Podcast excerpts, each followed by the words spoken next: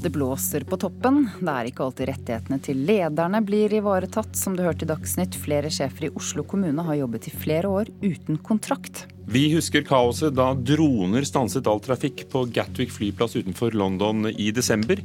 Stavanger lufthavn er den første flyplassen her i landet som får utstyr som varsler når droner flyr for nærme. Vi skal til Ukraina, der en komiker kan bli den neste presidenten. Gyldendal Forlag trekker alle bøkene av lyriker Eirin Gundersen etter beskyldninger om plagiat. Dette er lyden av krattkrigere. I Møre og Romsdal beiter de skiterrenget bedre. Og Petter Solberg, rallycross-stjernen, har fått plass i bilsportens Hall of Fame. God morgen fra Marienlyst, Ugo Fermarello og Ida Creed i studio i dag. Dette er Nyhetsmorgen. Når dette året er omme, har du sannsynligvis brukt mer penger på strøm enn du noen gang har gjort tidligere. Folk må belage seg på høye strømpriser i et helt år fremover. Det tror strømanalytikere vi har snakket med. Ole Tom Djupskås i analyseselskapet Refinitiv mener strømutgiftene i år ligger an til å bli historisk høye. Boller og kakao fra de siste gjestene på Skjennungstua i Oslomarka er slått inn på kassa. Men nede i kjelleren har bestyrer Petter Martinussen et annet taksameter, som også tikker og går. Hvordan har du merka strømregningen mot uh, tidligere år? Nei, altså, Hva jeg har sett, så er det jeg vet ikke, 30-40-50% dyrere for min del. Hva er en typisk strømregning her nå på vinteren? Ja, per måned nå så 10 000-11 000. Det blir jo fort. Så det tar en bra jafs av uh, av kaka. Akkurat nå så er det stor svikt i snø i norske fjellheimen, som gjør at prisene vil forvente å være høye også det neste året og halve året. Sier analysesjef Tor Lilleholt i analyseselskapet Whatsite. Nå eh, har vi et underskudd på ca. 20% med vann og snø. Følger analytiker Ole Tom Djupskås i analyseselskapet Refinitiv opp. Begge er skjønt enige om at nordmenn kan belage seg på høye strømregninger i mange måneder framover. Og dette er Djupskås oppskrift på en veldig dyr vinter. Det som må skje da, er at vi får en kald og tørr februar og mars. Vi må ha en normal temperatur i, i april, som gjør at uh, vi får lite tilsig i april. Dvs. Si at da har vi lite vann igjen i vannmagasinene i april, da, og da kan prisen bli ganske høy i april. Strømprisene var nesten like høye i 2010 og 2011 som de forventes å bli i år. Men høyere elavgift og høyere prispåslag, bl.a. som følge av elsertifikatordningen, gjør at Djupskås venter at strømregningen vi betaler ligger an til å bli enda høyere i 2019. Og slik sørger strømselskapene for at de blir sittende som vinnere. Vannkraftprodusentene vil jo eh, ta så mye de kan for, eh, for vannet sitt, og de um, opererer i forhold til hva er sannsynligheten for at de går tomme i til våren, altså før snøen begynner å smelte, og hva er sannsynligheten for at det renner over til sommeren. Hvis sannsynligheten for at de renner over til sommeren er lav, så kan de øke prisene og, bare produsere i de timene de får mest igjen for vannet sitt. Lilleholt i Watsite tror likevel prisene skal bli lavere, men ikke mye. Fordi europeiske kraftpriser bidrar til å presse prisene i Norge opp. Og Derfor så vil jeg jo anta at prisene er litt over toppen nå, og det vil gå ned mot et eh, lavere nivå. Men det er ikke mye, fordi at man holdes oppe av disse både CO2-markedet og kull- og gassprisene som man har i Europa, og som selvfølgelig også blir eksponert for, for i Norge. Petter Martinussen på Skjennungstua er i hvert fall fornøyd med at Snøfall har gitt godt salg.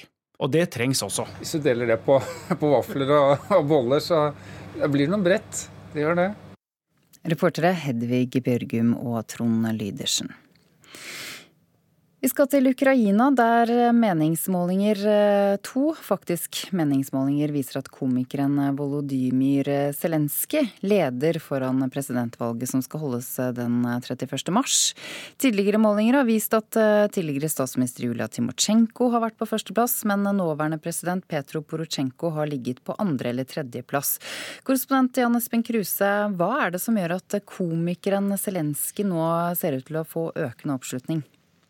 Ja, Han er jo en eh, populær eh, person i eh, Ukraina. Han har jo faktisk spilt presidenten i en TV-serie. Han er en komiker som har alliert og kritisert politikere i Ukraina i, i mange år.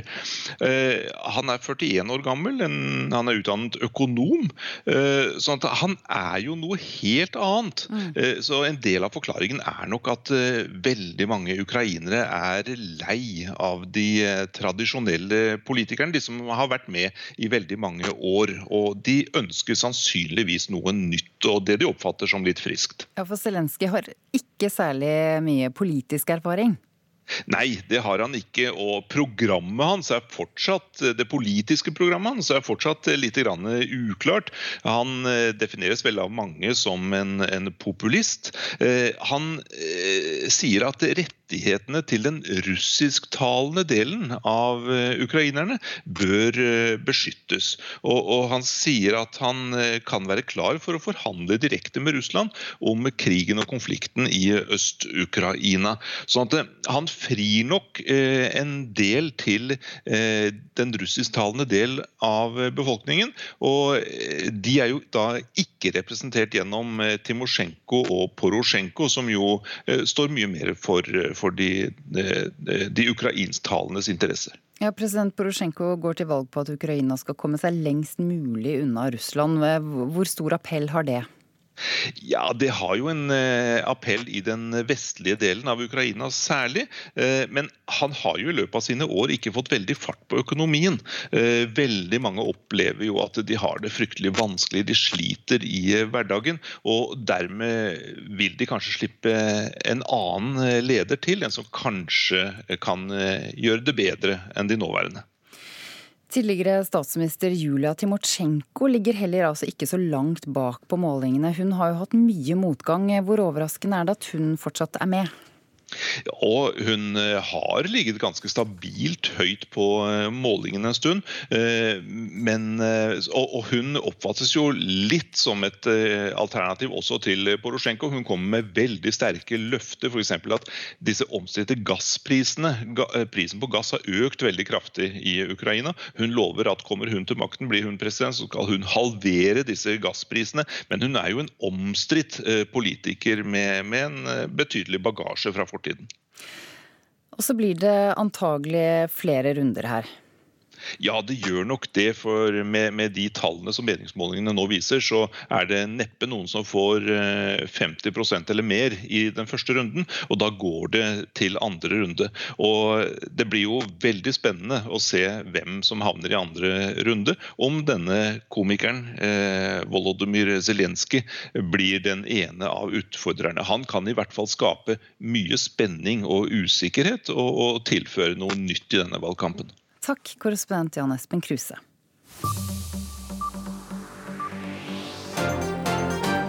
Dette skjedde i natt. Til sammen 286 prester og andre som er beskyldt for overgrep mot mindreårige siden 1950, er blitt navngitt av den katolske kirken i Texas i USA. Listen er den lengste som er offentliggjort uh, hittil, etter en knusende rapport fra en storjury i Pennsylvania i fjor. Og Der ble det avslørt at over 300 prester hadde stått bak overgrep de siste 70 årene. USA ber Nord-Korea komme med en full oversikt over sitt våpenarsenal. I bytte skal president Donald Trump være villig til å gjenopprette diplomatiske forbindelser. USAs spesialutsending til Nord-Korea, Stephen Bagan, ser for seg et perfekt utfall, som han sier, der de siste atomvåpnene fjernes, sanksjonene heves, flagget går til topps på ambassaden og en avtale skrives under samtidig.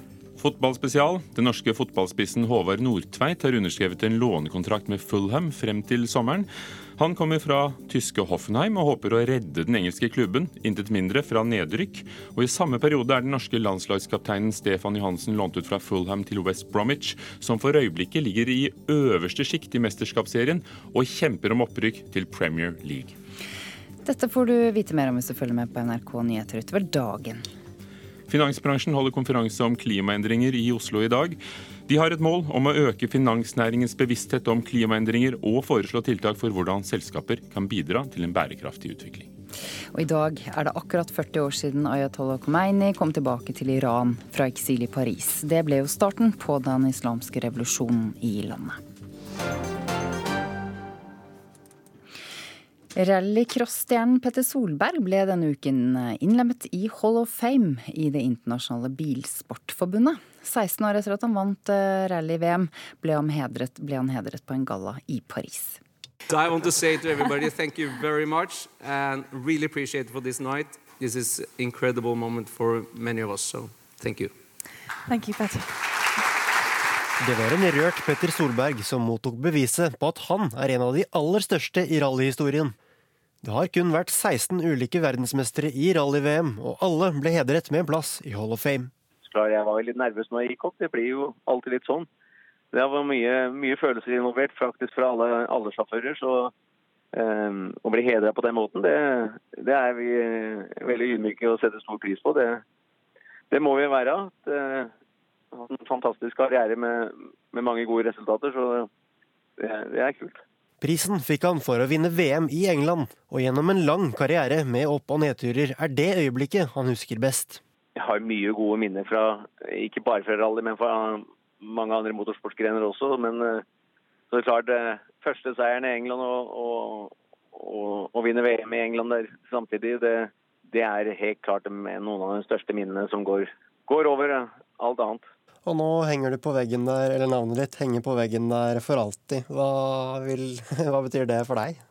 Ja, det, det kommer jo til å henge, henge som en eh, god, god memory i, mange år. og vi, eh, de fikk jo, Jeg donerte jo kjøredressen min eh, som henger der. og Hver sjåfør fikk en egen TV-skjerm med, med, historie som ruller og går der i, i tillegg. Eh, og så fikk vi veldig mye fine, spesielle ting som vi fikk med, fikk med hjem fra dem som, som eh, gode minner. Så det er moro å ha litt sånn. Vi må ta vare på historien, og det er, det er viktig i, i, eh, i, alle sporter. Samme som i, i Norge også, som vi, vi tar vare på mange andre gode idrettsutøvere.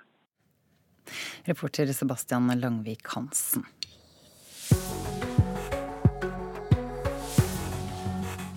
Klokken er litt 6.45. Det er Nyhetsmorgen du hører på. Vi har disse hovedsakene nå. Toppsjefer i Oslo kommune har i årevis jobbet uten kontrakt. Kanskje vi bør begynne å spare penger til å betale strømregningen, for strømmen blir rekorddyr i hele år, tror ekspertene. Geiter kan være løsningen for å bli kvitt krattskogen i toppturterreng. Reiselivsselskapet for Nordmøre og Romsdal Visit Nordvest satser nå på å få i havn avtaler med grunneiere, slik at de kan sette ut geiter.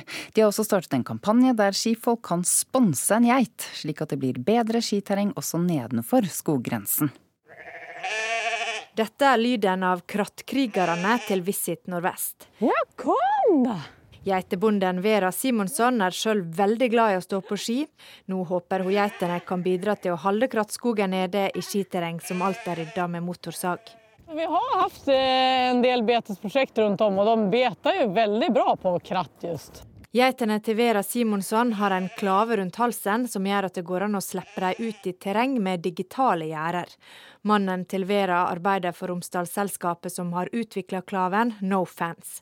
De håper teknologien kan bidra til å åpne gamle beiteområder som har grodd igjen over hele landet. Vår forhåpning er jo at det skal bli bra, og at de skal rydde vekk den vanskelige krattskogen. Og at de lar større trær stå, og så blir det Fin flyt for alle skidåkere. Dette er lyden av ski over silkeføre i åpen skog. Håpet til reiselivsselskapet Visit Nordvest er at de nå skal få i havn avtaler med grunneiere, og at skifolket vil sponse ei geit, slik at mer skogsterreng kan åpnes for god og trygg skikjøring. Det forteller Asbjørn Eggebø Næss, skikjører og prosjektleder for beiteprosjektet. Det er et her vi er nå i Romsdalen, eller egentlig hele Norge, er det slik at vi, det gror igjen. Eh, eh Vøkstsesongen er blitt veldig lang eh, om sommeren. Og det som skjer er at Mellom de store trærne under tregrensen så det, kommer det opp masse pjask og masse rynninger. Og da blir det vanskeligere å ta seg ned fra fjellet.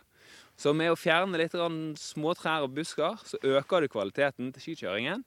Og da blir det enda artigere å stå på ski. Bjørn Kruse er Tindeveg-leder og driver Romsdal Lodge i Isfjorden. Han har sjøl vært med i dugnadsgjengen som har rydda et av de mest populære toppturterrengene i området for krattskog. Han håper geitene kan gjøre den tunge jobben med å holde terrenget nede heretter. Hvis det er uvær høyt på fjellet, så er jeg veldig opptatt av at folk kan ha flere turer i trygg skog. Da. At vi kan holde oss unna skredterreng og eh, kose oss i god skogkjøring. Turistsjefen i Rauma, Hilde Gråberg Bakke, sier de nå intensiverer kampen for å få inn penger til geiter. Hun tror prosjektet kan spre seg også til resten av landet. Ja, Vi håper at Romsdalen nå skal gå foran som et veldig godt eksempel. Og eh, ikke minst det å ta i bruk eh, geiter, som, eh, som er eh, veldig eh, bærekraftig måte å rydde på. Eh, så tror vi at dette her skal også kunne brukes andre plasser. Reporter her var Olaug Bjørneseth. En ganske ung poet anklages for eh, plagiat, Hugo? Det er det vi skal høre om i Kulturnytt. Gyldendal Norsk Forlag trekker bøkene til lyriker Eirin Gundersen fra hyllene. Det skrev eh, VG i går allerede, og Klassekampen har viet en hel dobbeltside til eh, denne nyheten i dag. Kulturreporter Øystein Tronsli Drabløs, hva er årsaken til at alle bøkene av denne lyrikkbøkene Ring Gundersen trekkes? Det er jo da, som Ida påpeker, at det er beskyldninger om plagiat mot eh, forfatteren. Eh, hun ble jo etter debuten i 2015 pekt ut som en av Norges mest lovende poetstjerner, hvis man kan si det. Ehm, og disse anklagene kommer da to uker etter hennes tredje bok, 'Lyder jeg ikke kan høre'.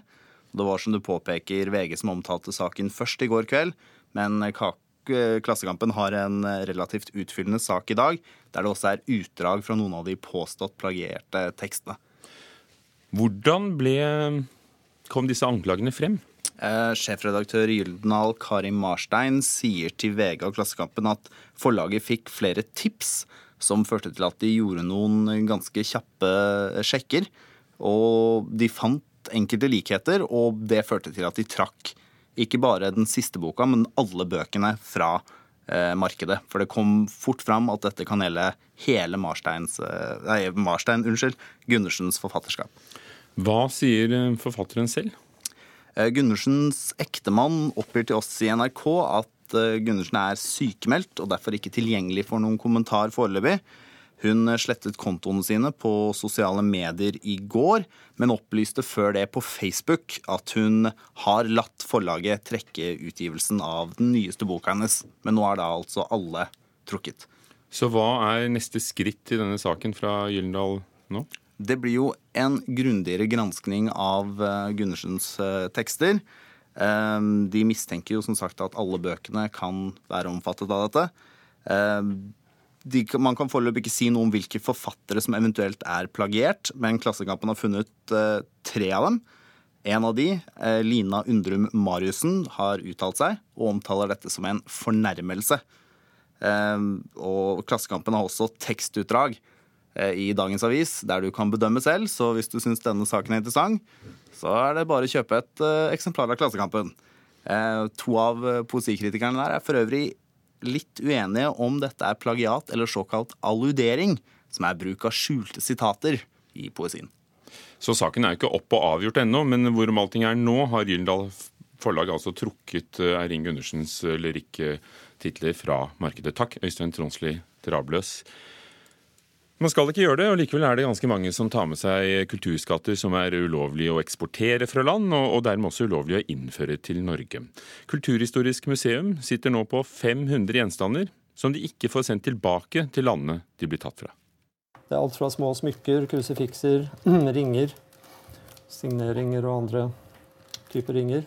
Hele 500 gjenstander ligger i dag i et hvelv på Kulturhistorisk museum i Oslo. Arkeolog Håkon Roland har som jobb å forsøke å finne ut hvor disse gjenstandene kommer fra, og returnere dem til riktig eier. Han tror de som tar med seg ting som dette inn i landet, vet at det er ulovlig. Likevel går noen så langt som til å lage falske dokumenter for å legitimere innførselen av disse gjenstandene. Så, så, det fabrikkeres historier. Vi finner også eksempler på at det, det, det lages altså falske dokumenter som, som attesterer både ekthet og, og, bakgrunnen for gjenstander, slik at de skal være lovlige, eller lovlige da, i gåsehendene. Roland forteller det ofte er vanskelig å returnere gjenstandene til landene de kommer fra. Eh, dette er eh, De enkle sakene de er, de er det langt mellom.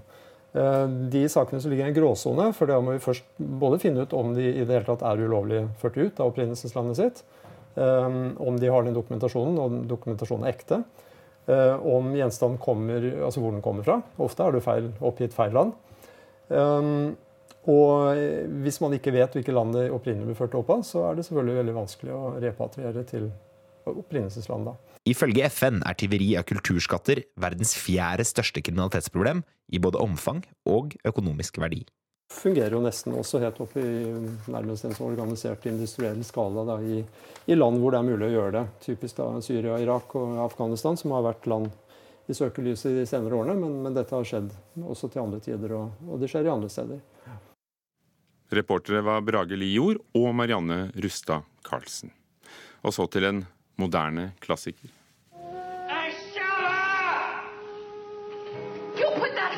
down there and go to bed. Joyce, I want You're gonna get the law on you. You can't beat on a woman and then call her back because she ain't gonna come. You're gonna have a baby. Marlon Brando i hovedrollen i 'Sporvogn til begjær' i 1947 på Broadway da det åpnet, og fra filmen fra 1951 som vi hørte fra her. Tennessee Williams-stykket er blitt av et av de store verkene i amerikansk dramatikk, og nå setter Oslo Nye Teater det opp, med Linn Skåber i rollen som Blanche Dubois. Karin Frøsland Nystøyl, vår teaterkritiker, du var på premieren i går kveld. Kort, selv om mange har bilde av Marlon Brando og Vivian Lie i hodet, hva handler stykket om? Det handler om to søstre som har vokst opp ganske så herskapelig på en plantasje på landet, og som har hatt hver sin kan du si, livsreise. da. Den ene har gifta seg, og, og, og hennes klassereise har gått nedover. Hun bor ganske kummerlig sammen med sin mann i New Orleans, og dit kommer den andre søstera, Blanche Dubois, som da spilles av Linn Skåber her. Og hun er, hun er, en flott og verdensvant kvinne og svinser inn med, med alle sine gevanter inn inn i dette hølet eh, som de andre bor i. Um, når søstera da kommer på besøk, så avsløres hennes livsløgn, for hun har selvfølgelig skap som er fulle av skjeletter med seg, og alt dette blir avslørt. Hva syns du om stykket? Er det en grunn til at det settes opp nå? Eh, vi husker filmen at det er et stykke som jeg syns er aktuelt uansett. Og hvis du ser det i lys av fortellinga fortellinger om Amerika akkurat nå, så er det mange sinte hvite menn, sånn som, uh, sånn som han uh, godeste Stanley Kowalski, som er en brutal karakter mot disse to søstrene. Så jeg syns det er interessant å sette det opp nå. Det er et veldig, veldig godt stykke. Men akkurat her på Oslo Nye så syns jeg det tar ganske lang tid før dissonansen mellom karakterene virkelig oppstår. Akkurat som om noe mangler, liksom, mellom karakterene. Starten er ganske treig. Jeg tror det har med måten de bruker teksten på. For, eh, for Blanche Dubois, denne flotte dama, hun snakker veldig teatralt og, og har et gammeldags språk, mens alle rundt henne snakker mer sånn østkantmål og har en mer naturlig tone i sitt språk. og, og den, dette er ikke en god nok kontrast til å skape dybde i starten. Så syns jeg òg regien er til tider litt overtydelig, sånn som Blanche sitt alkoholforbruk. og sånn det, vi, vi, får det inn med teskje hele tida, vi får ikke mulighet til å tenke sjøl. Linn Skåber er kjempekjent, og, og, særlig som komiker for mange. Men hun er jo skuespiller tvers igjennom, har gjort mange eh, skal vi kalle det gravalvorlige roller. Hvordan eh, gjør hun denne tragiske skikkelsen Blanche Dubois? Ja, hun er jo en god komiker, det vet vi jo alle. Eh, og hun er òg en veldig god skuespiller. Eh, så hun er, er, veldig god til å finne fram det morsomme, det komiske, i disse teatrale replikkene til Blanche. Og det gjør at vi ler en del av dette, dette tragiske kvinnemennesket. Men av og til så står nettopp dette komiske talentet litt i veien for den vonde skjebnen til Blanche Dubois, for hennes, hennes fall. Eh, det morsomme tar av og til litt luven fra det tragiske, om du skjønner meg. Eh, men jeg syns at jo mer hennes maske revner, jo vanskeligere livet hennes blir, jo mer hun går i oppløsning, jo bedre spiller Linn Skåber. Og på slutten så syns jeg hun er utrolig sterk. Hun gjør en veldig god rolle som ei kvinne som bare har falt helt fra hverandre og må hentes av sykepleiere og tvangsinnlegges på sykehus. Hva med de andre? Hvem spiller Marlon Brando? Eller Stanley Kowalski, mener Nils Jørgen Kolstad er det som spiller han. Eh, Stine Fevik spiller søstera Stella. Og det, Linn Skåber har veldig gode motspillere her, som gir denne teksten nødvendig motstand, som gir henne spill òg, altså denne karakteren nødvendig motstand. Det er jo De andre er karakterer som ikke ønsker denne reisa som, som eh, Blanche Dubois tviholder på at hun faktisk har. Eh, de har et roligere forhold til livet. Så, så de er med å støtte opp om denne fortellinga om Blanche sitt fall, men jeg syns som sagt at det ikke alltid dissonerer så mye mellom karakterene som det kunne ha gjort. Oslo Nye Teater, 'Sporvogn til begjær' fra slutten av 40-tallet med Kim Bjarke, teatersjefen selv som regissør. Har de fått til noe som forteller oss noe, og deg noe, i dag? Jeg syns jo det er vondt å se på. Det, det, det, er en historie om hvordan man tviholder på en løgn og forsøker å leve på den, og, og ikke klarer det. Men det at de har flytta det til dagens New Orleans eh, i scenografi og i kostymevalg, det har ikke så mye å si for meg. Jeg syns ikke det er viktig all den tid replikkene er ganske gammeldagse. Karin Frøsland Israel. takk skal du ha. Jeg minner om Fredagspanelet, for det er fredag, og det blir i Kulturnytt sånn kvart over åtte. Men du, Ida Creed, kan fortelle litt mer om, om hva som skjer etter Dagsnytt? Hva kan gjøres for å bekjempe seksualisert vold, eh, og bekjempe at det blir brukt som våpen i krig? Utenriksministeren har eh, tenkt en del på det. Hun eh, er på vei hit etter Dagsnytt. Da får du også høre at snart kan Stavanger lufthavn få utstyr som varsler droner, og det er sikkert nødvendig etter det som skjedde på Gatwick i dagene før jul. Folk må regne med høy strømpris et helt år fremover, mener analytikere. Og flyplassen i Stavanger har som den første i landet skaffet seg utstyr som kan oppdage droner. Her er NRK Dagsnytt klokka sju. Strømprisen her i landet kommer til å være høy i kanskje et helt år fremover, mener strømanalytikere. Prisene på strømbørsen var nesten like høye for åtte år siden, men det nye nå er at også andre poster på strømregningen øker så det merkes. Høyere elavgift og høyere prispåslag gjør at strømutgiftene ligger an til å bli enda høyere i 2019.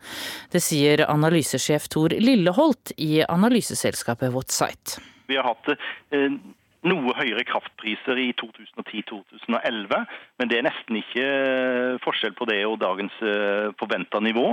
Men så får vi også enda høyere avgifter. Vi har også etablert et elsertifikatregime som gjør at vi må betale litt over eh, vår strømregning for å bygge denne fornybare energien med vind og, sol og vann som vi nå er inne i. Så det har økt litt. Og så er det jo også en stigning i elavgift og Eh, til dels også av offentlige avgifter eh, over tid. Så, så det er, har blitt en, en, betydelig strømregning, og man nærmer seg jo 1,5 kroner der på de høyeste prisene i, i vinterstid.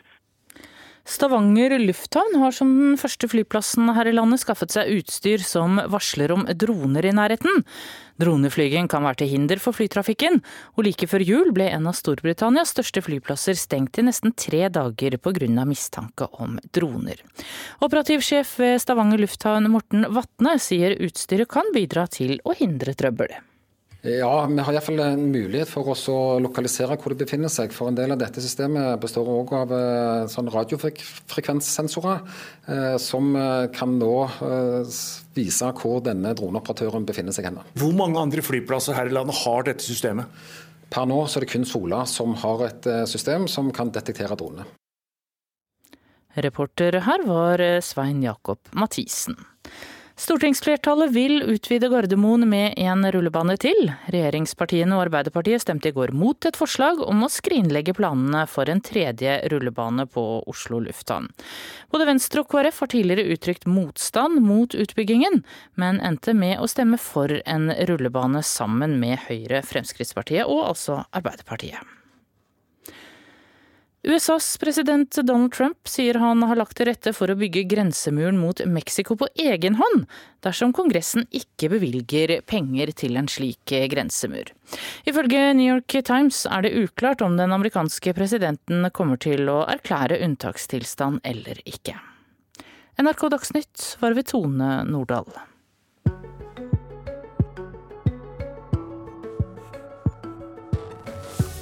Du hører på Nyhetsmorgen. Flere toppsjefer i Oslo kommune har jobbet i flere år uten kontrakt. Kemneren er en av dem som har jobbet uten å ha en arbeidsavtale i bunnen. Jeg har minnet på det fra tid til annen, eh, men utover det så har jeg tenkt at eh, det viktigste er at jeg gjør jobben min skikkelig og holder orden i eget hus. Det sier kemneren i Oslo, Astrid Rosenquist. Til tross for en årslønn på over 1,2 millioner kroner og ansvaret for å lede landets største skatteoppkreverkontor, fikk ikke Rosenquist noen kontrakt da hun ble ansatt i 2013. Det fikk hun først før jul. Ja, det syns jeg er fint at vi nå har fått det til. En gjennomgang av alle topplederavtaler i Oslo kommune viste at kemneren ikke var den eneste toppsjefen uten kontrakt. Kommunen fant heller ikke arbeidskontrakten til seksjonssjef Trond Kallum, som har vært ansatt i kommunen siden 2009. Både han og kemneren er ansatt i byrådsavdelingen for finans, som har ansvaret for personalpolitikken i hele Oslo kommune. NRK tok turen til Oslo rådhus for å snakke med avdelingens leder, kommunaldirektør Arild Sundberg. Er dette en pinlig sak for Oslo kommune?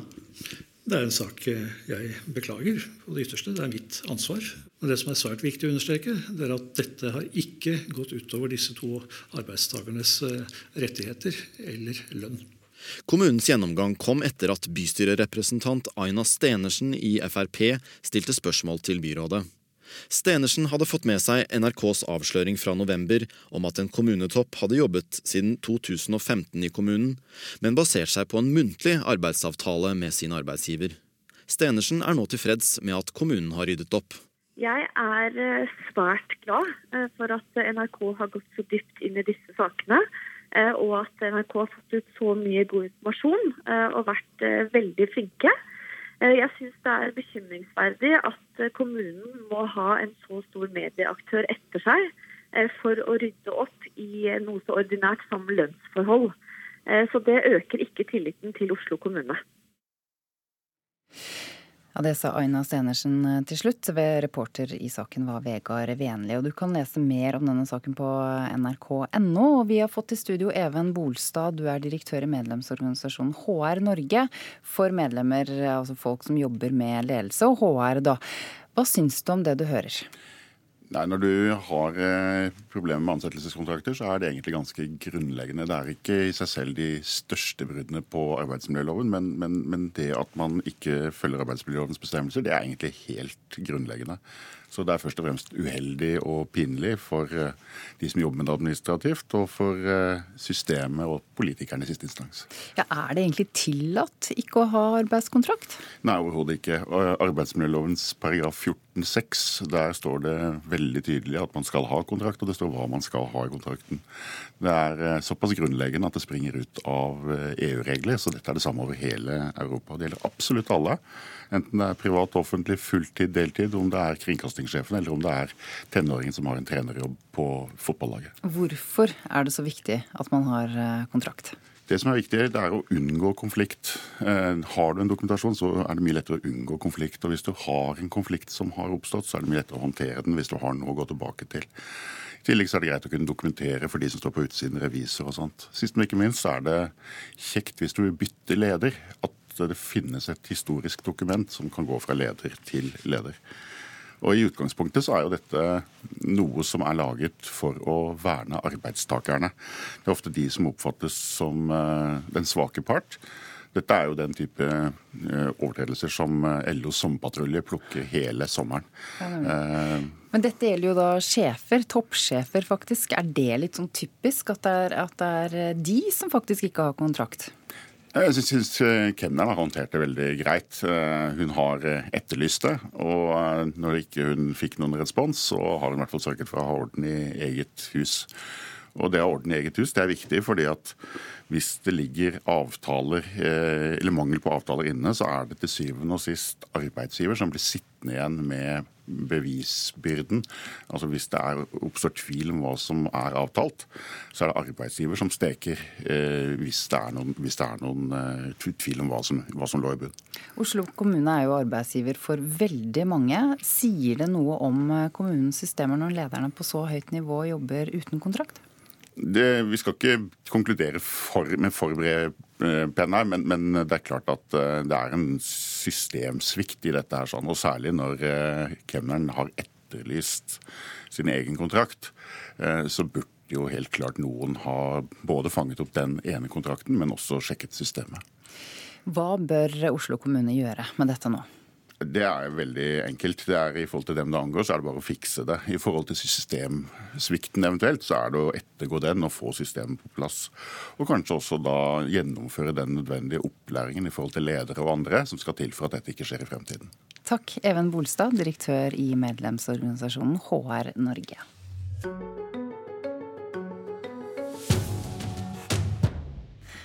Snart skal eh, Stavanger lufthavn Sola få utstyr som varsler droner som eh, kommer for nær.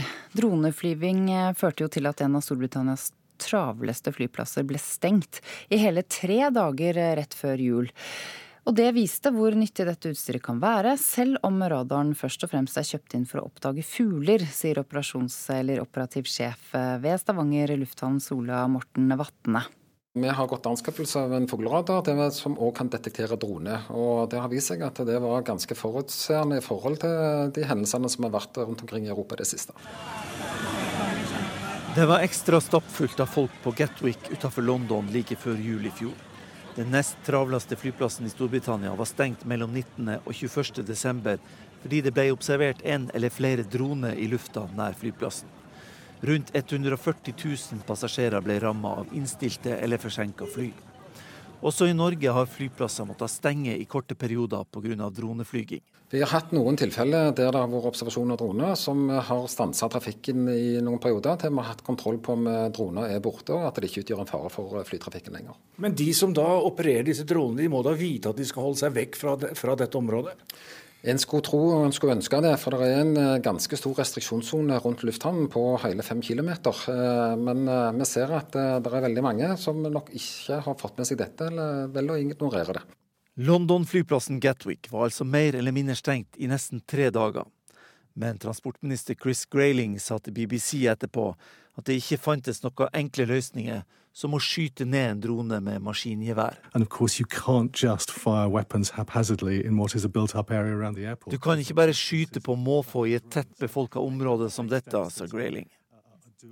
Senere har Gatwick-flyplassen kjøpt antidroneutstyr for 55 millioner kroner. Og snart kan den på Sola, som første flyplass i Norge, finne den som styrer en drone faretruende nær flyplassen, sier Morten Vatne. For En del av dette systemet består òg av eh, sånn radiofrekvenssensorer, eh, som eh, kan nå vise hvor denne droneoperatøren befinner seg. henne. Hvor mange andre flyplasser her i landet har dette systemet? Per nå så er det kun Sola som har et system som kan detektere dronene. Reportere Kjartan Rørslett og Svein Jakob Mathisen. Og stortingsflertallet vil eh, utvide Gardermoen med én rullebane til. Det er klart etter at regjeringspartiene og Arbeiderpartiet i går stemte mot et forslag fra SV, MDG og Senterpartiet om å skrinlegge planene for en tredje rullebane på Oslo lufthavn. De videregående skolene i Østfold må endre praksis i føringen av fravær. Det krever Fylkesmannen i Oslo og Viken etter at flere elever fikk fravær da læreren var borte. Elev Bendik Børresen mente Glemmen videregående skole tolket regelverket feil, og kjernen i klagen til Børresen handler om hvorvidt skolen kan gi elevene en lekse og kalle det undervisning. Her står det rett og slett svart på hvitt at Fylkesmannen er enig med hvordan jeg har tolket regelverket. Det sier elev ved Glemmen videregående skole Bendik Børresen, som klagde til Fylkesmannen da han fikk fravær for en dobbelttime hvor læreren var borte. Klassen fikk beskjed om å levere inn en oppgave da læreren ikke kunne komme til timen, og de som ikke leverte i tide, fikk registrert fravær. Men nå har Bendik Børresen fått medhold fra utdanningsdirektør Grete Hovde Parr hos Fylkesmannen i Oslo og Viken. Vi var enige i at eh, den måten å føre fravær på ikke var riktig. og Derfor har vi da sagt at eh, Østfold fylkeskommune bør endre sin praksis.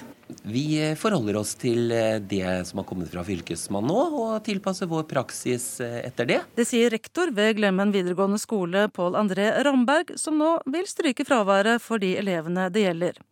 Bendik Børresen på sin side håper flere elever nå tør å ta opp kampen når skoler tolker reglene feil.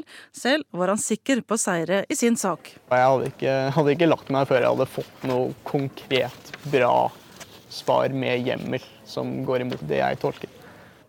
Reporter Heidi Gomnes. Og det blir mer skole i Politisk kvarter. Det skal handle om fritidsaktiviteter og lekser, programleder eh, Astrid Randen. Ja, Det skal det, for det pågår en debatt i Arbeiderpartiet om eh, barneskoleelevene skal slippe å stresse over skolebøkene på kveldstid. I går la partiet sitt oppvekstutvalg fram sin innstilling, og et stort eh, flertall gikk inn for å fjerne heimeleksene. Men mindretallet, og bl.a. utdanningspolitisk talsperson Martin Henriksen, er imot et slikt forbud, og mener at lærerne kan avgjøre dette nesten helt sjøl. Nesten? Ja, altså han vil ha en slags sånn rettleding for hvor mye lekser som det er greit å gi. Og så vil det samme utvalget også at det offentlige skal gå inn og lønne trenere og instruktører, slik at ungene sine fritidsaktiviteter kan foregå rett etter skolen. Men der møter de ikke uventa motbør fra Høyre. Politisk kvarter kommer som vanlig om en halvtime klokken 7.45.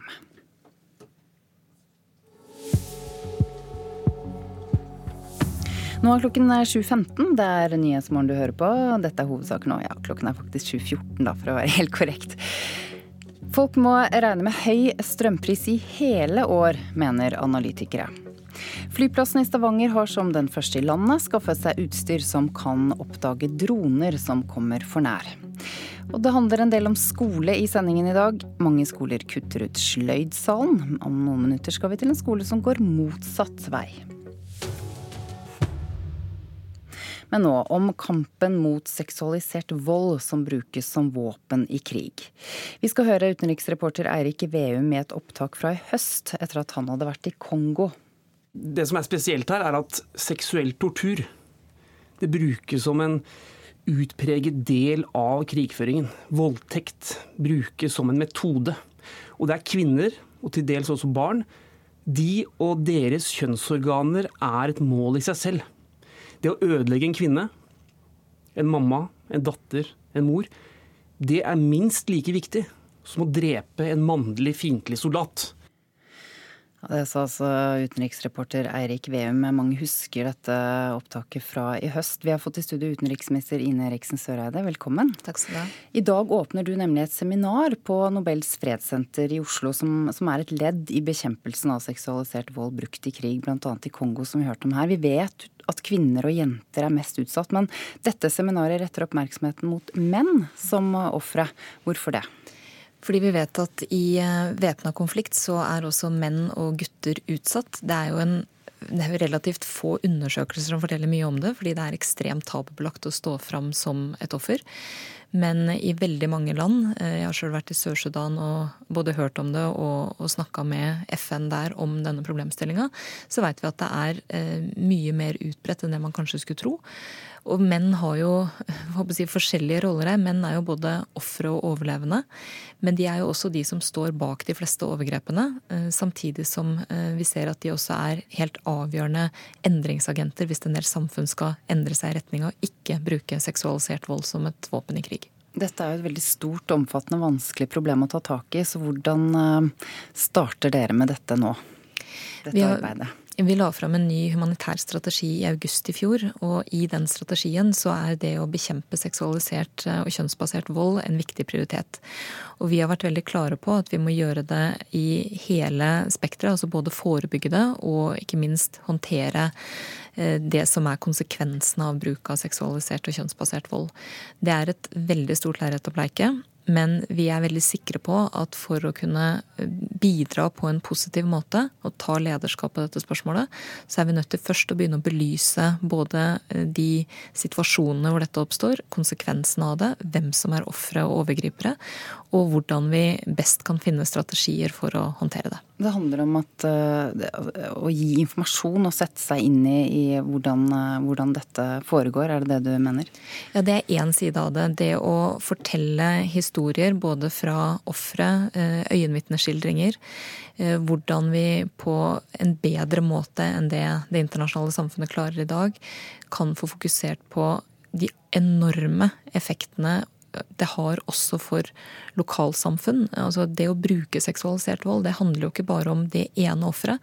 Det handler også om å bryte ned familier og samfunn, og gjøre at tilliten forsvinner, og at det blir nesten umulig å bygge opp igjen samfunn etterpå. Og så vet vi, og det er en, et stort problem, at seksualisert og kjønnsbasert vold straffes nesten aldri. Hvem er det som eh, skal være med på det seminaret som starter i dag? I dag blir det et seminar som vi arrangerer bl.a. sammen med Kirkens Nødhjelp fra Utenriksdepartementets side. Og eh, vi har også flere andre sivilsamfunnsorganisasjoner. Vi kommer til å både få høre historier, men også eh, få noen tanker og ideer om hvordan vi kan legge en god plan og en god strategi for å bekjempe dette. Og så skal det skje ting i mai. Hva er det? Det skal det. Da er Norge vertskap for en stor internasjonal konferanse som skal holdes her i Oslo 24. mai. Og den kommer til å fokusere på nettopp seksuell og kjønnsbasert vold, eh, særlig i konflikt, men også generelt i humanitære kriser. Og noe av tanken vår med det er å ikke bare fokusere på det, det, som er vanlig med sånne konferanser, nemlig å gi penger til et geografisk område. Vi setter et tema på dagsorden, og vi sier at vi både trenger mer finansiering, men vi trenger også mye sterkere politisk vilje til å håndtere seksualisert og kjønnsbasert vold.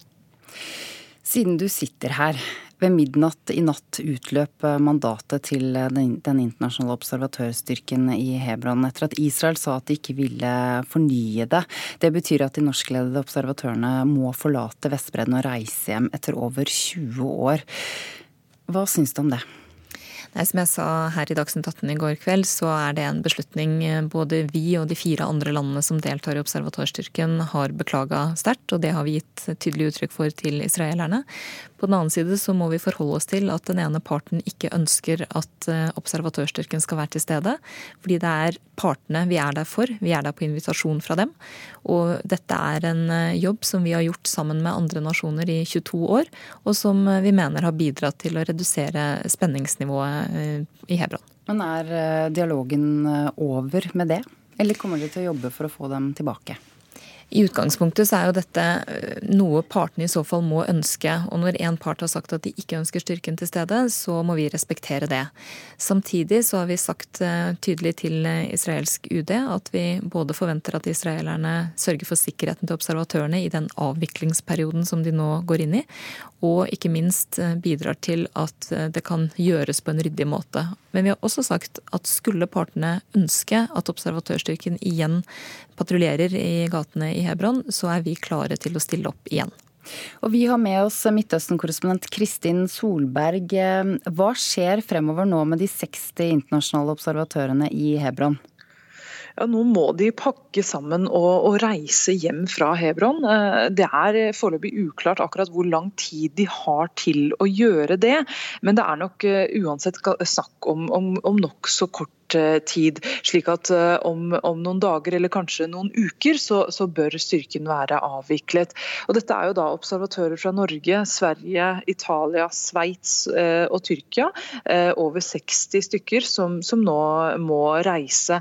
Og De har jo i over 20 år rapportert om trakassering, diskriminering av palestinerne på bakken, og hatt som oppgave bl.a. å gi palestinerne i Hebron en følelse av av sikkerhet og, og, en følelse av at de kan, skal kunne bevege seg fritt. Ja, så Hva kan det ha å bety for palestinerne på bakken at disse reiser hjem? Ja, det, det, blir nok i hvert fall ikke bedre av eh, dette, eh, antagelig heller det motsatte. Selv om eh, det må sies at vi ser jo at utviklingen har jo gått i feil vei også gjennom de 20 årene som observatørene faktisk har vært til stede. Eh, men, men, likevel så har jo observatørene eh, hatt en viktig oppgave. De har eh, bl.a. fulgt palestinske skolebarn til, til skolen gjennom eh, områder der de opplever å bli utsatt for, for vold av, av bosettere i, i området. Eh, og, og, det må sies at situasjonen i, i Hebron er eh, generelt eh, svært ille. Palestinerne er utsatt for overgrep og diskriminering der.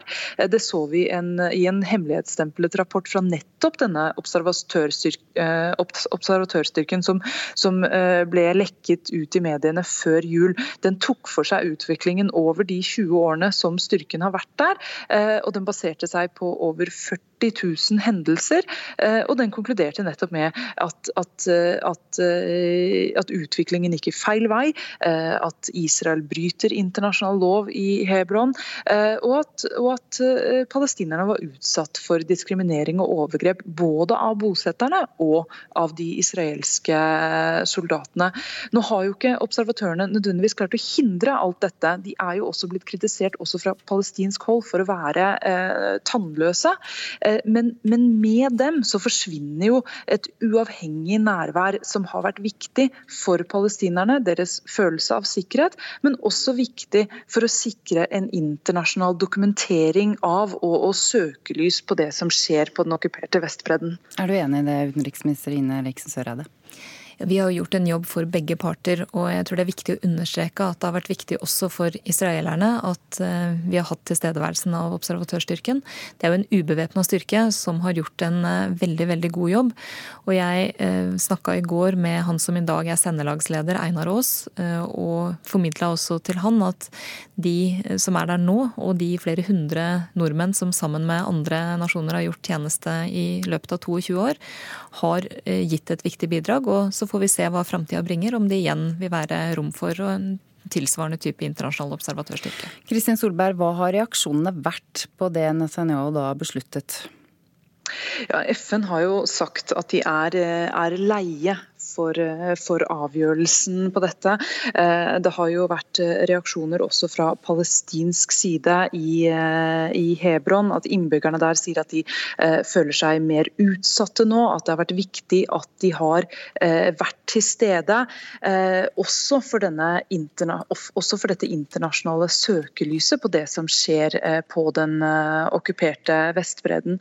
Når det skal sies, så har det også vært litt stille fra venstre venstresiden i, eh, i både Israel og eh, Palestina, eh, som ikke nødvendigvis har kommet med en veldig sterk kritikk av denne avgjørelsen, nettopp fordi de har opplevd denne styrken som, som relativt tannløse, eh, som, jeg på, jeg var, som, jeg var inne på, tidligere. Men, men, at, men som sagt, for, for, palestinerne på bakken eh, så opplever de at de er i en mer utsatt og mer kanskje ett etterlatt eh, situasjon eh, nå fremover. Takk begge to, utenriksminister Ine Eriksen Søreide og til slutt Midtøsten-korrespondent Kristin Solberg.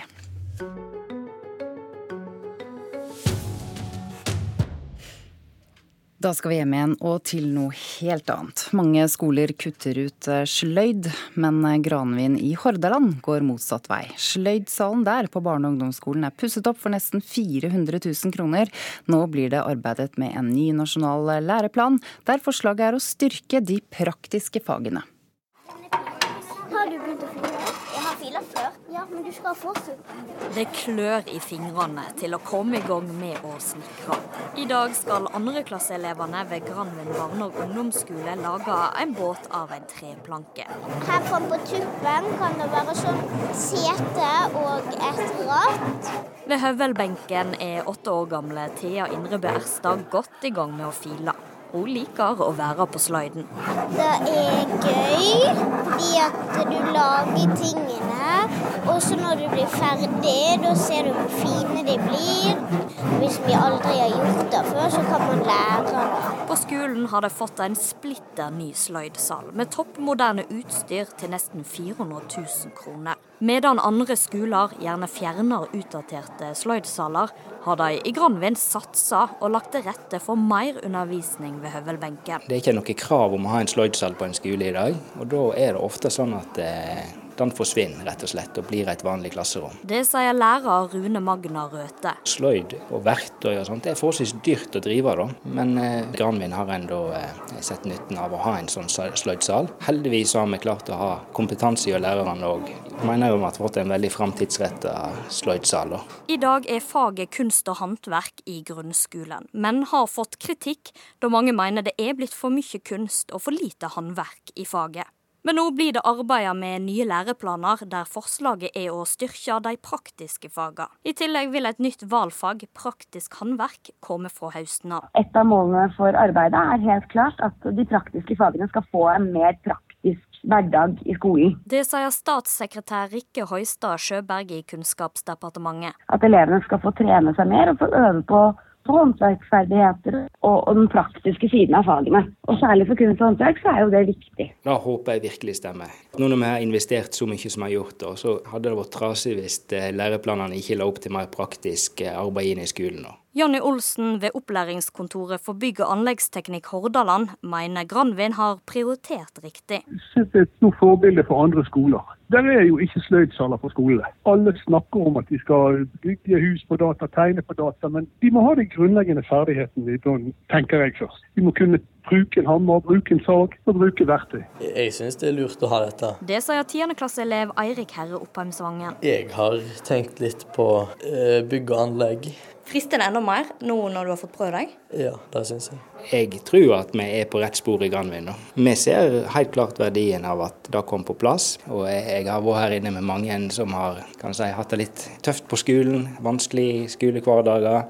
Men når de kommer inn her, så har de blomstra på en helt vanvittig måte. Og de problemene som ellers en kan oppleve i klasserommet, det har ikke en sett her. da. Og jeg tror at eh, det kan være med å eh, eh, motivere noen til å gå den praktiske retningen videre. Da. Går det bra med sagingen din? Ser du gjør det veldig bra. Du er snart gjennom. Oh, der kommer han. Ja, den nye læreplanen for kunst og håndverk kom på høring i midten av mars. Reporter var Tale Hauso.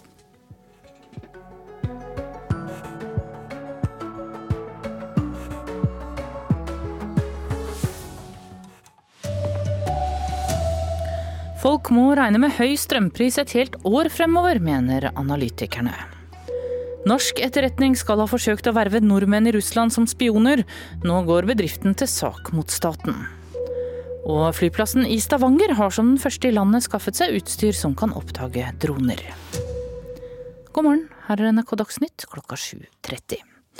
Strømprisen her i landet kommer til å være høy i kanskje et helt år fremover, mener strømanalytikerne.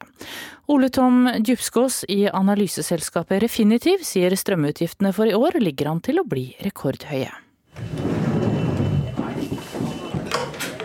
Boller og kakao fra de siste gjestene på Skjennungstua i Oslomarka er slått inn på kassa. Men nede i kjelleren har bestyrer Petter Martinussen et annet taksameter som også tikker og går. Hva er en typisk strømregning her nå på vinteren? Ja, per måned nå så 10 000-11 000. Det blir jo fort. Det tar en bra jafs av, eh, av kaka. Akkurat nå så er det stor svikt i snø i norske fjellheimen, som gjør at prisene vil forvente å være høye også det neste året året og halve året. Sier analysesjef Tor Lilleholt i analyseselskapet Whatsite. Nå eh, har vi et underskudd på ca. 20% med vann og snø. Følger analytiker Ole Tom Djupskås i analyseselskapet Refinitiv opp. Strømprisene var nesten like høye i 2010 og 2011 som de forventes å bli i år. Men høyere elavgift og høyere prispåslag, bl.a. som følge av elsertifikatordningen, gjør at Djupskås venter at strømregningen vi betaler ligger an til å bli enda høyere i 2019. Og slik sørger strømselskapene for at de blir sittende som vinnere. Vannkraftprodusentene vil jo eh, ta så mye de kan for, eh, for, vannet sitt. Og hvis sannsynligheten for at de renner over til sommeren er lav, så kan de øke prisene og bare produsere i de timene de får mest igjen for vannet sitt. Reportere i dette innslaget var Hedvig Bjørgum og Trond Lydersen. En norsk bedrift i Murmansk varsler nå søksmål på over 100 millioner kroner mot den norske stat. I årevis skal nemlig norske etterretningsagenter ha forsøkt å rekruttere norske ansatte ved Ølen Betongs fabrikk i Murmansk i Russland. To av de ansatte har de siste årene blitt pågrepet og utvist fra Russland. For Kurt Stø ble opplevelsene i Russland dramatiske. Det var jo Han fikk sånn sinneanfall. Han knusa det videokameraet. Så for han her og dimla med den pistolen, og plutselig så setter han den imot hodet på meg. Da er du ikke høy i hatten. Kurt Stø skal ha følt seg pressa til å spionere for norsk etterretning. I ettertid ble han pågrepet av den russiske etterretningstjenesten, og skal ha blitt forsøkt rekruttert som dobbeltagent. Atle Berge er administrerende direktør i rogalandsbedriften Ølen Betong. Det er jo to personer i Ølen Betong-systemet som har vært forsøkt eh, verva eller kontakta eh, nærmere ti ganger ved forskjellige anledninger. Og det er helt klart at dette førte til at det ble kjent i Russland til, hos eh, FSB. Og det førte til vår eh, utestengelse av to ansatte i selskapet. Anklagene om spionasje ga problemer for Ølen Betong i Murmansk, og de mener de har tapt mye som følge av hendelsen. Utvisninga gjør at den daglige drifta på Kola må skje fra Ølen i Rogaland. Atle Berge sier bedrifter har forsøkt å finne en løsning med berørte myndigheter. Nå har Ølen Betong sendt varsel om søksmål til Forsvarsdepartementet og Justisdepartementet. Her krever de erstatning på over 100 millioner kroner. Forsvarsdepartementet har bekrefta at de har hatt møte med Berge, men verken de eller Politiets sikkerhetstjeneste vil kommentere saken konkret. Det vil heller ikke den russiske ambassaden i Oslo. Reportere her var Ida Louise Rostad og Bård Vormdal. Stavanger lufthavn har som den første flyplassen her i landet skaffet seg utstyr som varsler om droner i nærheten. Droneflyging kan være til hinder for flytrafikken. Like før jul ble en av Storbritannias største flyplasser stengt i nesten tre dager pga. mistanke om droner. Operativ sjef ved Stavanger lufthavn, Morten Vatne, sier utstyret kan bidra til å hindre trøbbel, selv om det først og fremst er beregnet på fugler. Vi har gått anskaffelse av en fugleradar som òg kan detektere drone. og Det har vist seg at det var ganske forutseende i forhold til de hendelsene som har vært rundt omkring i Europa i det siste. Det var ekstra stappfullt av folk på Gatwick utenfor London like før jul i fjor. Den nest travleste flyplassen i Storbritannia var stengt mellom 19. og 21. desember fordi det ble observert en eller flere droner i lufta nær flyplassen. Rundt 140 000 passasjerer ble ramma av innstilte eller forsinka fly. Også i Norge har flyplasser måttet stenge i korte perioder pga. droneflyging. Vi har hatt noen tilfeller der det har vært observasjon av droner som har stansa trafikken i noen perioder, til vi har hatt kontroll på om droner er borte og at det ikke utgjør en fare for flytrafikken lenger. Senere har Gatwick-flyplassen kjøpt antidroneutstyr for 55 millioner kroner. Og snart kan de på Sola finne den som styrer en drone faretruende nær flyplassen, sier Morten Vatne. For en del av dette systemet består òg av eh, sånn radiofrekvenssensorer, eh, som eh, kan nå vise hvor denne droneoperatøren befinner seg henne. Hvor mange andre flyplasser her i landet har dette systemet? Per nå så er det kun Sola som har et system som kan detektere dronene. Reportere her var Kjartan Røslett og Svein Jakob Mathisen.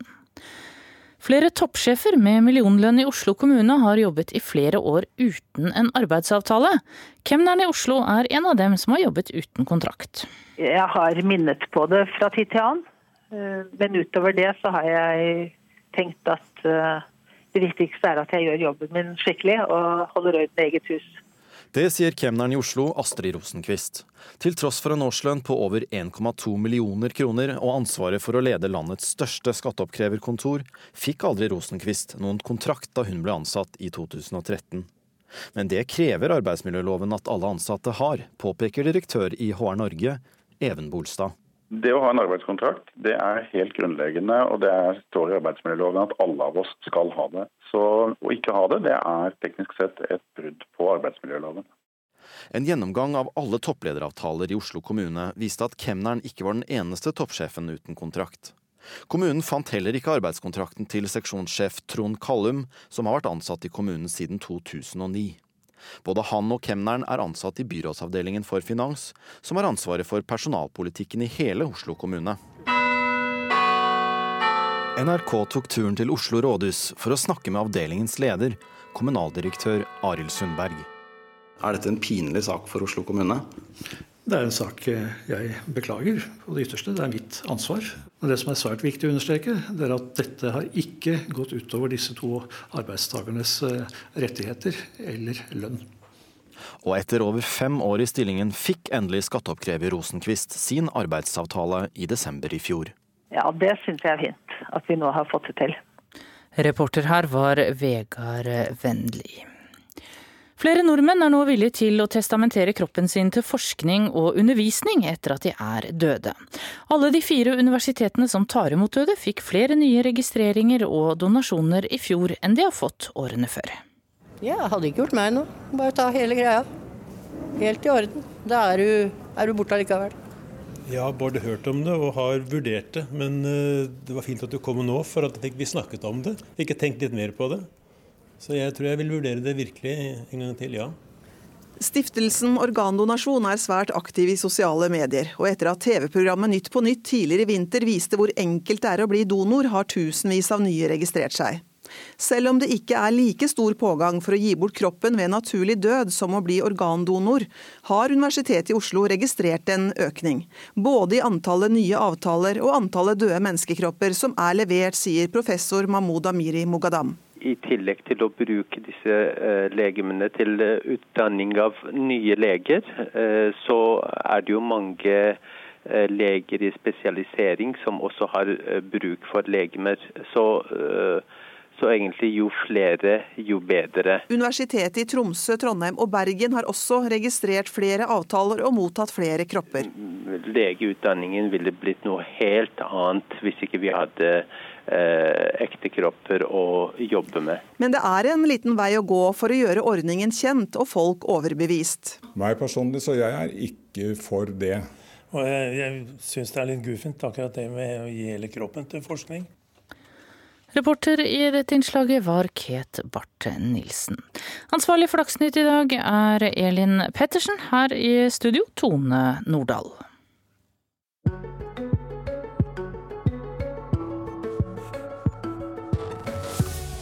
Du hører på Nyhetsmorgen, og nå skal det handle om det som heter egenberedskap. Er du en av dem som har fulgt rådet fra myndighetene om å kjøpe jodtabletter ved atomulykker?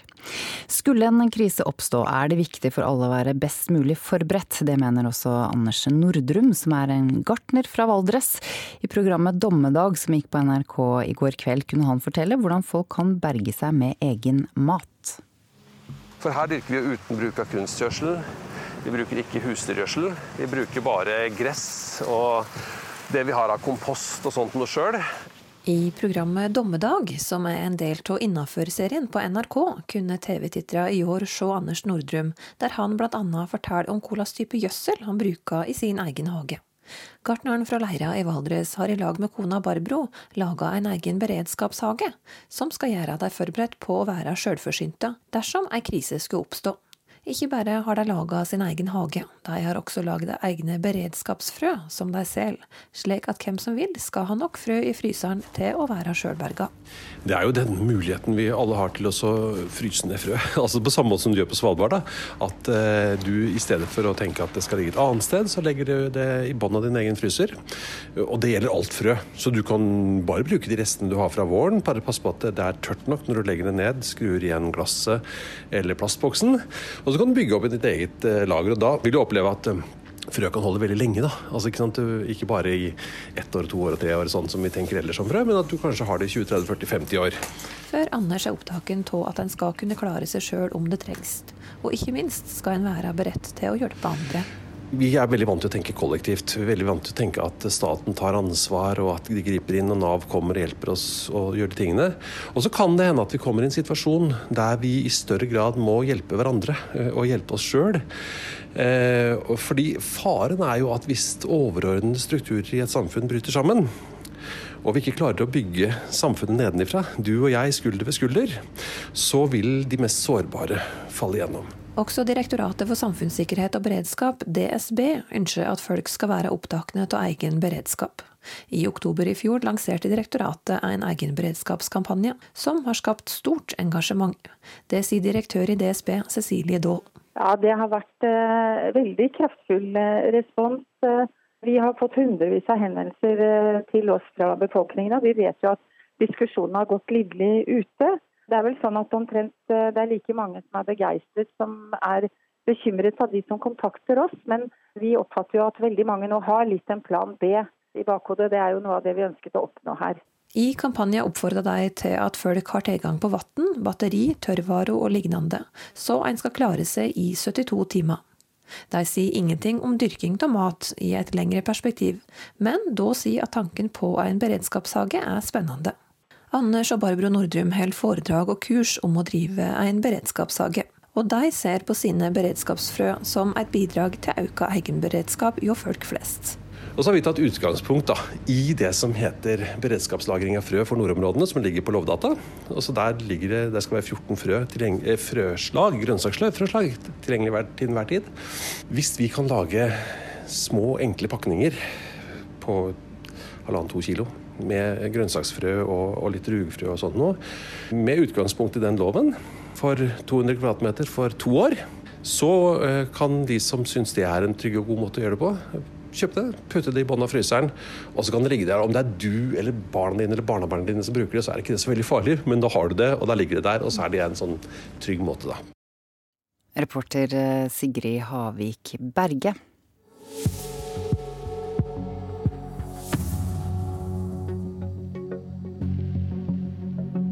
Det er straks klart for Politisk kvarter med Astrid Randen og gjester minner om eh, toppsakene denne morgenen. Folk må regne med høy strømpris et helt år fremover, mener analytikere. Norsk etterretning skal ha forsøkt å verve nordmenn i Russland som spioner. Nå går en bedrift til sak mot staten. Og flyplassen i Stavanger kan eh, bli den første i landet som skaffer seg utstyr som eh, kan oppdage droner. Og flere og flere av oss er villige til å gi bort kroppen til forskning og undervisning. Alle de fire universitetene som tar imot døde, fikk flere nye registreringer og donasjoner i fjor enn årene før.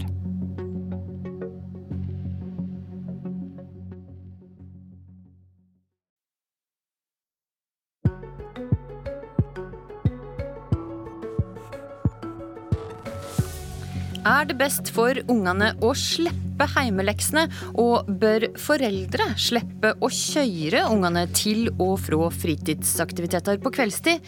Et Arbeiderpartiutvalg vil fjerne heimelekser og la det offentlige ta større ansvar for fritidsaktivitetene. God morgen, du hører på Politisk kvarter. Et flertall i Arbeiderpartiet sitt oppvekstutvalg vil altså fjerne heimeleksene. De vil heller at ungene skal gjøre leksene sine i skoletida. Og eh, Hoda Imad fra Akershus eh, Ap, og medlem i oppvekstutvalget, hvorfor vil det ta fra lærerne muligheten til å gi elevene lekser? Jeg mener tvert imot. Man er for å gi lærerne større ansvar i å følge opp elevene våre, for å følge opp barna våre og gi dem enda større, større støtte. Jeg mener at Uenigheten ligger ikke i hvorvidt om man er for eller mot mengdetrening og repetisjon i skolen. Vi vet jo at det fører til god læring, men uenigheten ligger på om det er lærere, altså dyktige pedagoger, som skal være dem som gir og eh, følger opp leksene, eh, og da har det i skolen, om det er foreldrene som skal ha det ansvaret. Og hvis vi da får skolelekser, vi mener at det er lærerne som skal ha hovedansvaret, og skolen som skal ha det. Men, men men hvilke negative effekter er det da lekser har for elever, mener det? Jeg jobber som lærer sjøl. Jeg er også eh, nesten ferdig utdannet lektor. Man ser jo at det er samme elevene som ikke gjør leksene. Man ser at det er samme elevene som ikke rakk hendene. Og man vet jo at når skolen er pålagt f.eks. leksehjelp, så er det rett og slett brannslukking. Det er symptombehandling. Og istedenfor at man driver med rett og slett symptombehandling, så må man heller gå til rota og se hva som er problemet. Vi vet at veldig mange elever blir demotivert av lekser. Man henger etter når man ikke gjør lekser.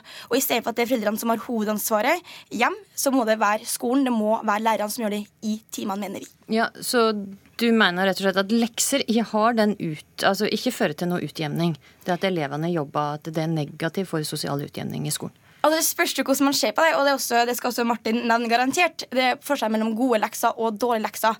Jeg mener at Gode lekser det er bra. Når det er repetisjon, når det er mengdetrening, så er det bra. Men, Men så likevel vi, så vil du altså fjerne muligheten som læreren har til å gi disse repetisjonsleksene Den muligheten skal finnes i timene i skolen, hvor man da har et apparat rundt elevene, rundt barna våre, som da er dyktige pedagoger som har utdanninga med å gi verktøyene elevene våre og ungene våre trenger. Min mor hun er lærer sjøl. Hun hadde de verktøyene. Hun hjalp meg masse. Det var kjempe, kjempefint. Men veldig mange foreldre har ikke pedagogutdanning. De har ikke mulighet til å støtte sine barn på den måten som barna egentlig fortjener. Mm. Martin Henriksen, eh, du er eh, utdanningspolitisk talsperson eh, i Arbeiderpartiet, og også medlem av dette oppvekstutvalget. Og der var det ikke full semje. To i utvalget, to av 15, stemte imot. og hva mener du er feil med å ta fra eh, lærere og elever eh, lekse, heimeleksene? Jeg mener det er feil løsning. Eh, fordi at Selv om det kan være fint at enkelte skoler eller enkelte lærere prøver ut leksefri, så er jeg imot at man skal forby lekser som metode dersom lærere eller skolen mener at det er det beste for elevene. fordi vi vet at gode lekser det kan bidra til motivasjon, det bidrar til bedre læring. Det gir både mengdetrening, må lære arbeidsvaner, organisere sin egen tid. Det er mange gode effekter av det. Og så mener jeg også at det er riktig å stille krav til egeninnsats også for eh, elever i skolen. Om det så er noe eh, hjemmearbeid. Okay, eh, også, men, hvis jeg skulle sagt det veld, veldig enkelt, så er det at jeg, jeg er for at lærere skal kunne gi gode lekser dersom de mener det er riktig, men jeg er imot dårlige lekser som bidrar til eh, mindre motivasjon. Hvis man gir lekser som elevene ikke mestrer, eller som er nytt stoff som man ikke har gjennomgått på skolen, så kan det ha en negativ effekt for elevene. Og Sånne typer lekser og hjemmearbeid bør man absolutt unngå. Ja, Dårlige lekser er vel antageligvis alle imot. Men, men uh, Hoda Imad, uh, har ikke Martin Henriksen et poeng her i at elevene lærer gode arbeidsrutiner, derfor repetert ting på kveldstid? Høres ikke det lurt ut? Altså, ingen er imot repetisjon. Ingen er imot mengdetrening. Man vet jo at mengdetrening er nesten liktegn med god læringseffekt og god læring. Alle er enig i det, så det er ikke der uenigheten er. Uenigheten ligger i skal det være foreldrene som har hovedansvaret, skal det være eh, lærerne og skolen som har hovedansvaret. Jeg mener ikke at man må se på resultatene man har fra før av. Man har jo eh, prøve, hatt prøveprosjekter i over 15 år her i Norge, hvor man, mange skoler nå har rett og slett gått til hovednormen, at det skal være rett og slett skolelekser og ikke hjemmelekser.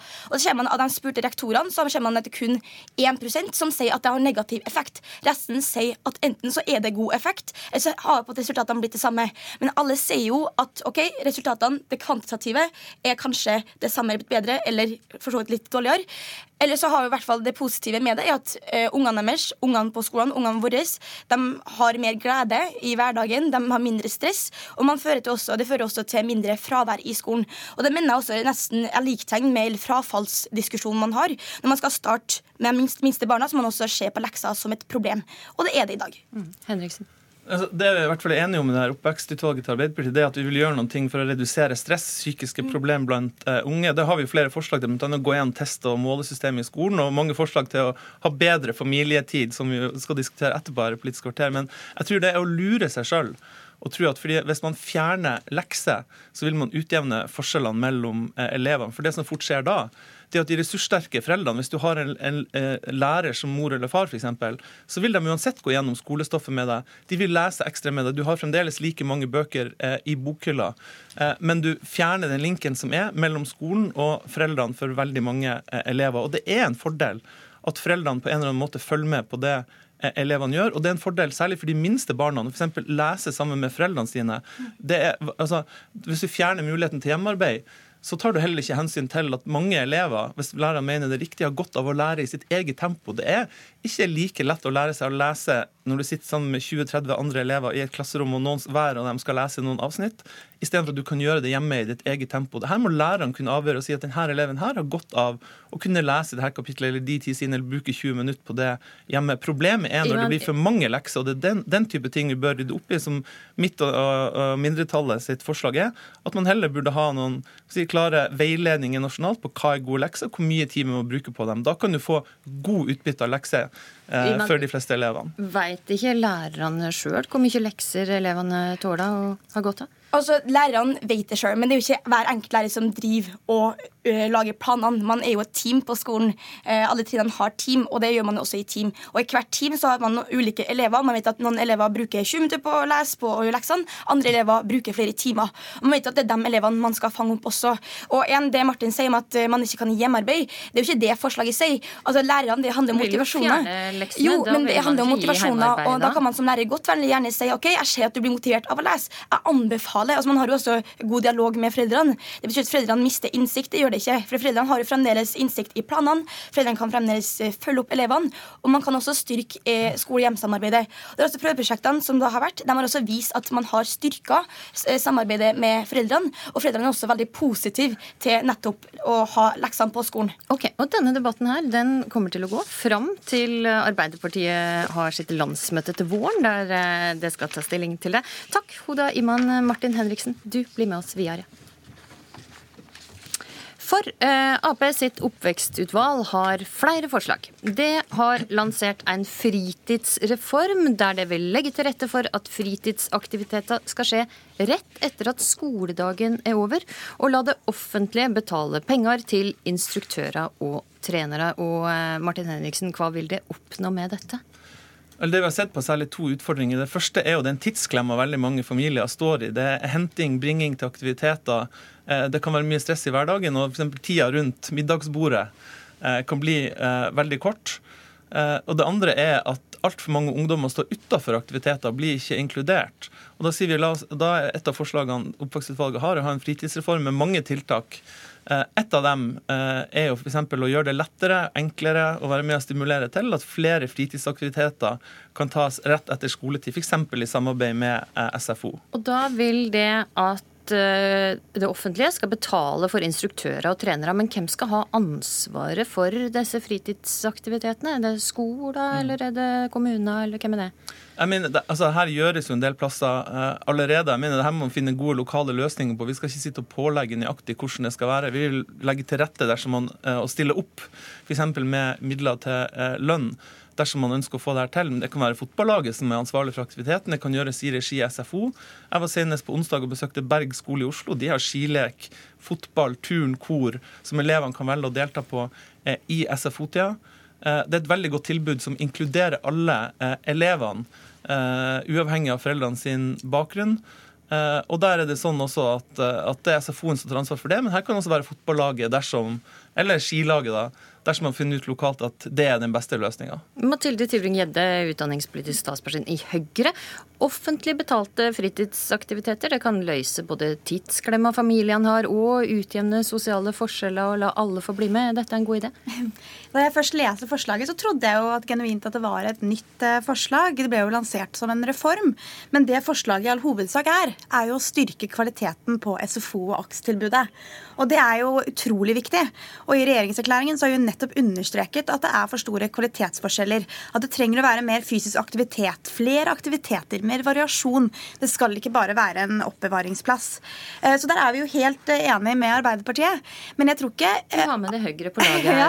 Eh, Martin Henriksen. Ja, det er litt rart, for i går så var jeg debatt mot Fremskrittspartiet. Det var mot det forslaget. Ja, jeg må få lov til å fullføre og KrF i går var, KrF i går var mot det forslaget. Så nå må regjeringa bestemme seg for hva de mener om dem er for eller mot det. Men det er å stemme for. Jeg er veldig for bedre, bedre akselbud, men det kommer ikke til å løse den utfordringen som vi vet at mange barn har, nemlig at de ikke har økonomisk mulighet til å være med på fritidsaktiviteter, den lokale idrettsklubben, de møteplassene som frivilligheten arrangerer i Norge.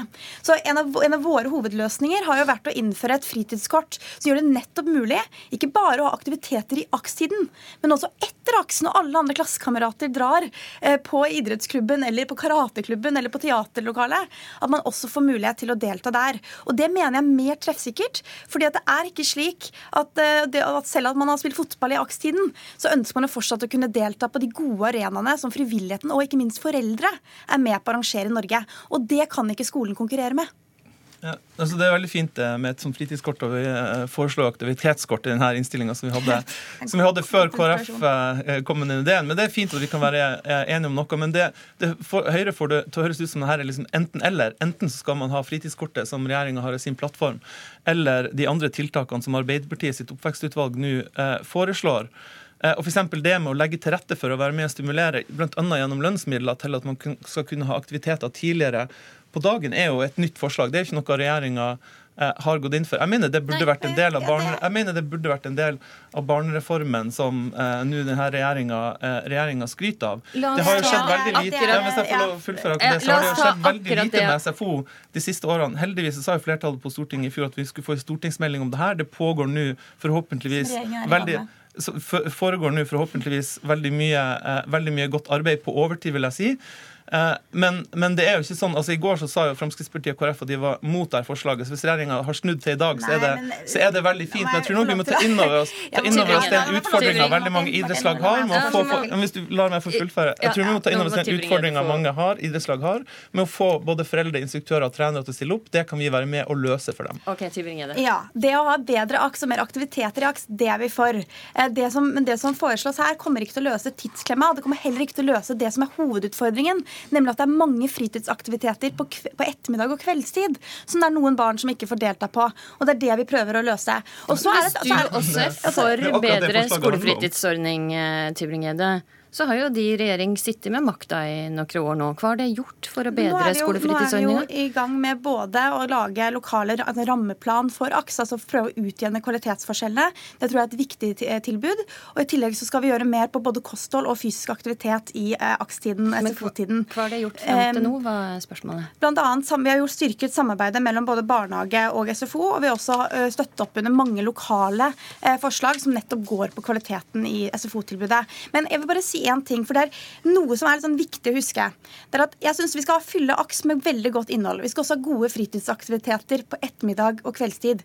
Men det er også veldig viktig å huske at foreldre har også et ansvar for både dannelse og utdanning. Og jeg er opptatt av at vi ikke gjennomorganiserer hverdagen til barn. Og det er det Frp og KrF har også påpekt. At vi er flinke på å huske at barns fritid har en verdi i seg selv. Og at barn også må kunne få muligheten til å velge den aktiviteten de ønsker, ja. ikke bare det som tilbys i AKS. Ja, men sånn, det er jo det forslaget vårt går ut på. At man skal kunne velge f.eks. etter skoletid i aktiviteter man gjerne velger på ettermiddagen i dag. Og jeg synes at Høyre også må forholde seg til virkeligheten at barns fritid i dag er jo gjennomorganisert i veldig mange familier. De er med på mange aktiviteter, det er stress med å komme seg fram og tilbake til aktivitetene, og det blir mindre tid til familietid et enkelt forslag som vi har her om å kunne legge flere aktiviteter etter skoletid og faktisk bidra til det, tror jeg ville vært med å hjelpe på det problemet. Jeg har ikke sett noen andre forslag fra regjeringa for å kunne gjøre noe med denne, med denne tidsklemma. Og Høyre si, Høyre si løsning på det her er jo liksom å peke på alle andre og si det er flott hvis dere gjør det, men ikke bidra sjøl til at det faktisk skjer. Ok, og Den får du faktisk ikke svart på, uh, Mathilde Tybring-Gjedde, for, for vår sendetid er slutt. Takk for at jeg kunne være med i Politisk kvarter i dag. I studio denne morgenen var Astrid Randen.